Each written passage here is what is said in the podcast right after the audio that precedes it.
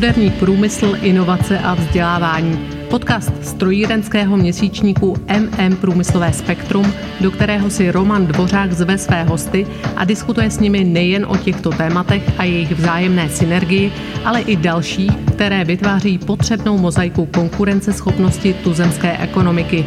Přijměte prosím pozvání k poslechu aktuálního dílu.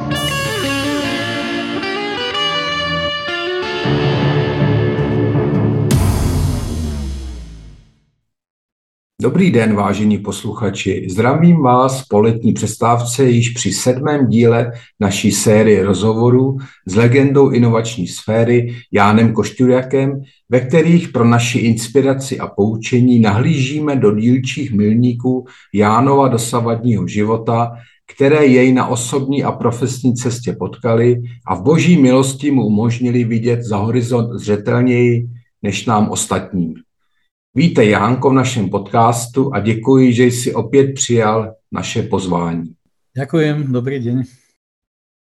Náš rozhovor i tentokrát probíhá prostřednictvím digitálního propojení Praha-Varín a tak věřím, že bude po technické stránce vše v pořádku. V našich předchozích rozpravách jsme hovořili o Jánových učitelích, pak jsme se věnovali odkazu myšlení Tomáše a Jana Antonína Bati, Poté jsme vzpomínali na Jánovo působení v německém Fraunhofer institutu IPA. V dalším díle jsme hovořili o aspektech lokální výroby a decentralizace.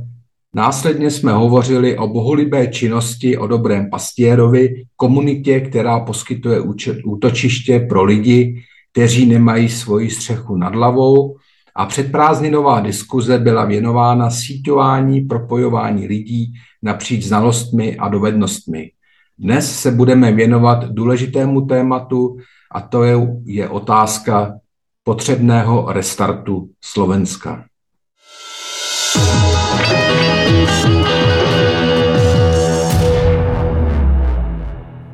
V roce 2020 jste započali diskuze s podnikateli, inovátory a i politiky o potřebě nové vize Slovenska. Země není o ministerských rezortech, inovace nevznikají na vládě, Jedná se o vzájemně propojený organismus, který není řízený směrnicemi a vyhláškami, ale proaktivní činností ze spodu. Jak se vám tato činnost, Jano, daří? Tak ako si to teraz povedal, tak takto asi prebieha. Z hora sa nedieje viac menej nič. Tí politici sú vlastne veľmi hlúpi a vlastne tú hlúposť využívajú na to, že sa hádajú medzi sebou a vlastne ten čas na tú transformáciu krajiny vôbec nevyužívajú. Naopak všetko to spomalujú, ešte by som povedal zhoršujú.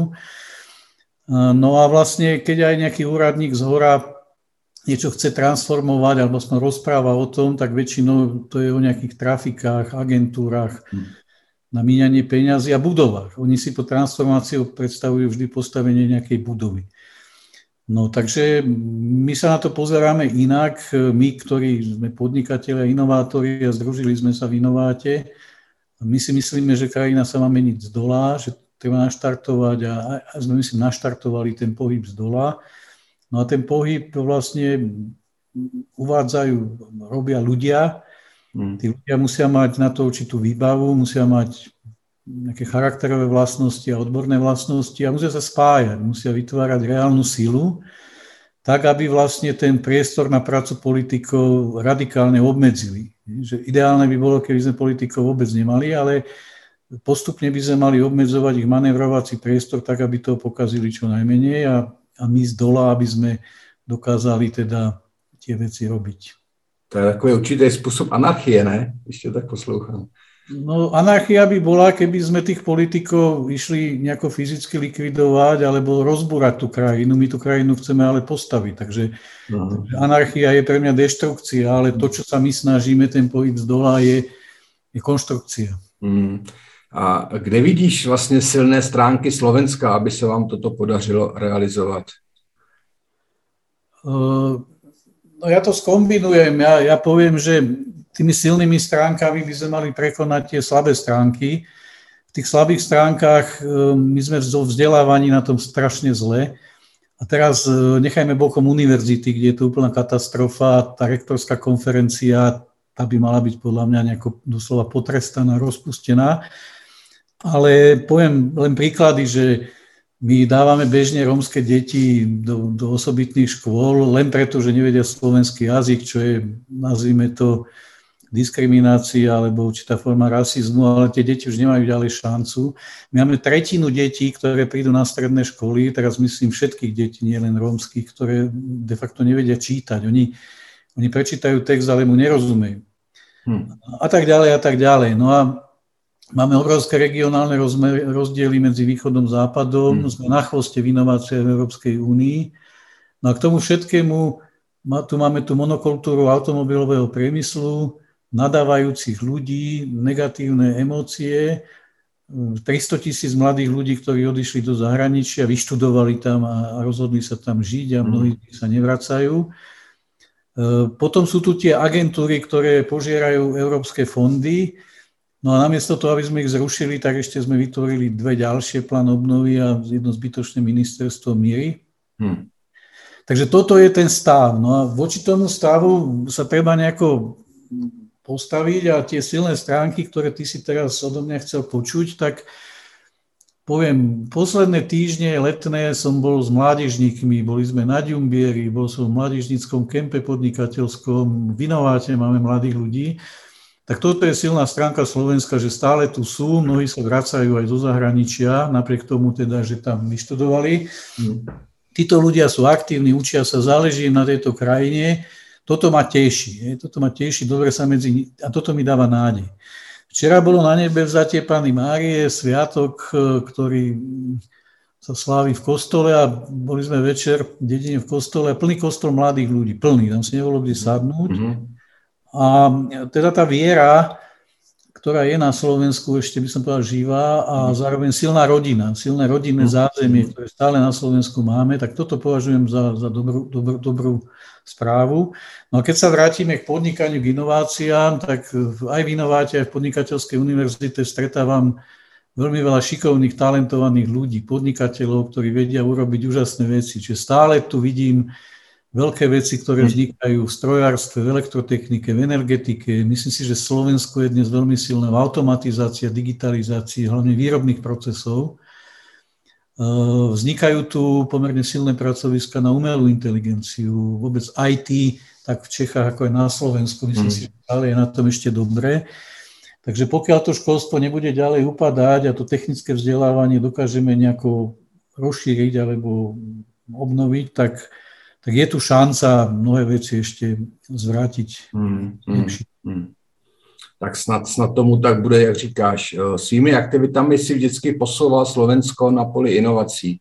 Nepodařilo se ti ale vytvořit slovenský plnohodnotný Fraunhofer a tak si ze soukromých zdrojů společně se svým týmem vytvořil síť partnerských firm Inováto. Jaká je jeho role v tom restartu Slovenska? Kde to, kde to vidíš, kde, by, kde, kde je ta jeho silná stránka, třeba to inováta, to partnerství těch firm, na to, aby to Slovensko se podařilo posunout tím směrem, o kterým si předtím hovořil. Tak to inováto vzniklo vlastne z ľudí, ktorí mnohí aj študovali v našej podnikateľskej univerzite a my si tam tých členov vyberáme, ten počet narastol, už tam máme aj českých členov, sú to firmy rôzneho typu a práve tá heterogenita, rôznorodnosť je, je veľmi dobrá. E, okrem teda toho, tej klastrovej činnosti, kde sa učíme, spájame, sieťujeme, teraz budeme mať v septembri Inofest, tak e, práve tento rok bežia silné také, také sekcie, práca v odborných sekciách, kde sme mali stretnutie napríklad cirkulárnej ekonomiky, hmm. aditívnej výroby. V septembri máme stretnutie energetiky, to je veľmi aktuálna téma dnes. Eh, modularity, eh, eh, nových materiálov a tak ďalej. Takže tá rola je taká, že dnes sa prepájame s regiónmi, Žilina, Lučenec, Nitra a tak ďalej. Prepájame sa tak, že napríklad firmy, ktoré majú 3D tlačiarne rôznych typov kovu, od nástrojových ocelí cez hliník, titán a tak ďalej, tak sa spájame, čo sa týka znalostí, ktoré máme v dizajne, v technológiách, v práškoch. Čiže toto spájanie prebieha a myslím si, že sme schopní riešiť dnes už ďaleko komplexnejšie projekty, ako sme boli schopní riešiť každý sám. Mm. A toto platí aj pre tú skupinu energetika, kde sme spojili ľudí, ktoré robia neviem, batériové úložiska, inteligentné riadenie energetiky, solárne systémy, tepelné čerpadlá, rôzne teda typy tepelných zdrojov a zároveň ale aj um, tepelný manažment budovy. Takže mm. Takže to spájanie síl považujem za absolútne kľúčové. No a tým, že sa roky poznáme, že medzi nami už je veľmi silná dôvera, tak nepotrebujeme k tomu až také nejaké zložité právne mhm, dokumenty. Hmm, hmm, hmm.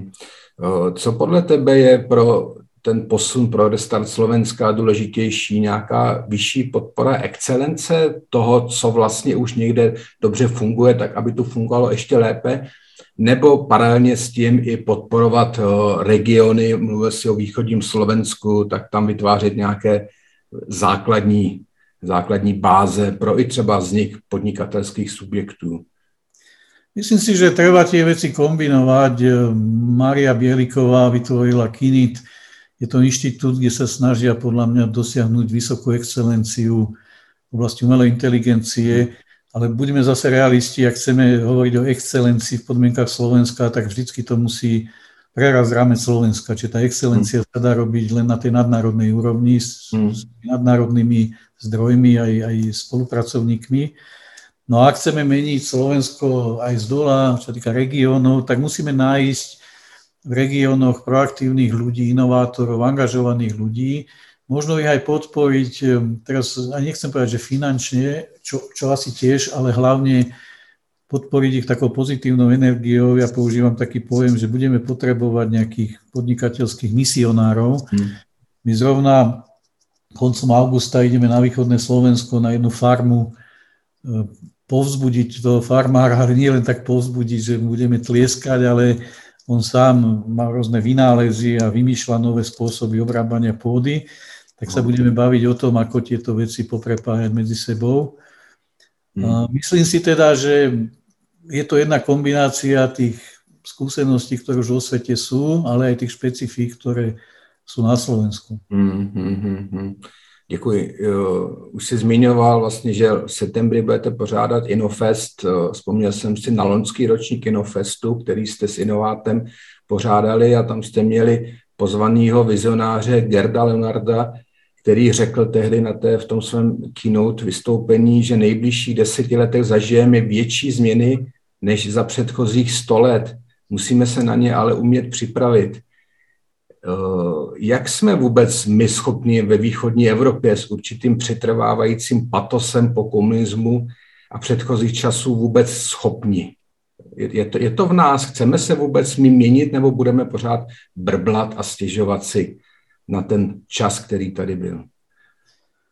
No tak e, to obdobie chaosu, ktoré prežívame a ten chaos sa prejavuje, že ten celosvetový systém je totálne rozkmitaný, tak ten chaos vlastne má iba dva algoritmy. Jeden je, že je to transformácia k niečomu pozitívnemu, že vyskočíme na nejaký iný level spôsobu života, alebo potom je to kolaps, ktorý samozrejme súvisí možno aj s vojnou a s ďalšími deštrukčnými mechanizmami, tak e, ja nie som nejaký prognostik, ale ja som optimista a to súvisí aj s určitou vierou, že tento svet je nejako vytvorený pozitívnym smerom.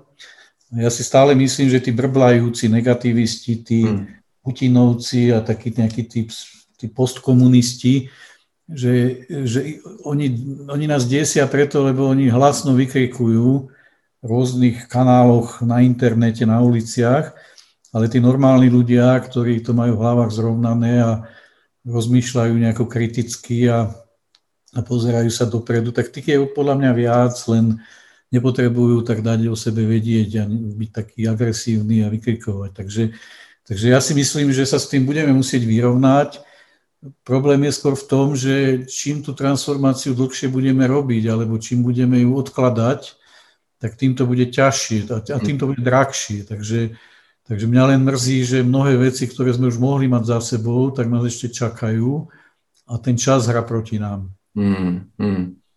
Úpadek morálky a vzdělání vlastně vede i k úpadku země Já velmi rád čtu tvoje blogy a v poslední době jsem cítil takový velký zklamání z nich a takovou bolest. Eh, napsal si, dovol mi to trochu citovat, mysleli jsme, že spustíme inovace, budeme opravovat naši zemi, změníme vzdělávání, postoje lidí k životu a podnikání, nastartujeme pohyb v regionech ze zdola, jak už si o tom mluvil, přestaneme mrhat penězmi za nesmyslné balíčky, strategie, analýzy, agentury a zbytečné úředníky. Doufali jsme, že naše děti, které studovali v zahraničí, se začnou vracet na Slovensku. Teraz přemýšlíme o tom, že se vystěhujeme za nimi. Jaký musí být to vysněné Slovensko pro tebe, abys neměl takovéhle chmurné myšlenky a nechtěl se vystěhovat za dětmi a to Slovensko tady nechal být na pospas? Tá myšlienka nebola chmurná, ja som zrovna tú myšlienku písal v dobe, kedy som sa vysťahoval za mojimi dcerami, že bol som u cery v Prahe a ten život v Prahe, kde aj ty žiješ, sa mi zdal fajn. Schodili sme tam s vnúčkou po parkoch a Praha mi pripadala ako veľmi príjemné miesto na život a som rád, že tam jedna moja dcera žije. A hmm. sme boli za druhou dcerou v Liverpoole a Liverpool teda nie až taký krásny ako Praha, ale tam ma zarazilo, že napríklad ceny nemovitostí sú tam nižšie ako na strednom Slovensku. Hmm. A tak som si tiež hovoril, že niečo na tom je, je zvláštne. Ale vrátim sa teda k tej otázke vysneného Slovenska. Tak e, vysnené. Bol by som rád, keby to Slovensko nebolo už také, že bude to Slovensko, kde predávame ruky a hlavy našich ľudí zahraničným firmám, že je to mm. vlastne stále ešte taká ekonomická kolónia, e, že by sme predávali výrobky, služby slovenských firiem do zahraničia, alebo aj kupovali zahraničné firmy že by to bola krajina, ktorá nebude slúžiť vyvoleným oligarchom, politikom a rôznym mafiám a zlodejom, ako to tu bolo doteraz.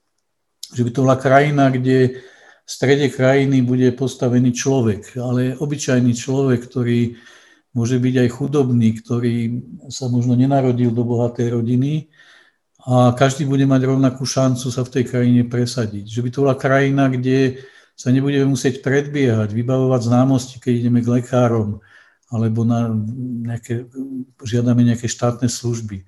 To znamená v krajinách, kde sa bude normálne žiť, kde budú mať všetci normálne príležitosti, kde nebudeme dávať deti do detských domov, že na ne nemáme čas, kde nebudeme odkladať rodičov do starobincov, kde budeme žiť tak, ako by sa žiť malo. Hmm. Děkuji Jano za tvoje slova. Budeme se tady v Čechách modlit za to, aby vám pán žehnal na té vaší cestě k obnově Slovenska. Budeme velmi rádi, pokud budeme moci být i v tom nápomocní, i naší činnosti v rámci spolupráce, kterou zde máme. Jano, děkuji ti za dnešní povídání a rád bych pozval i posluchače na příští díl, který budeme věnovat tématu 3P Pozoruj, pochop, podnikej. Takže ještě jednou děkuji za tvůj čas a přeju všechno dobré. Ďakujem aj ja. Pekný deň. Ahoj.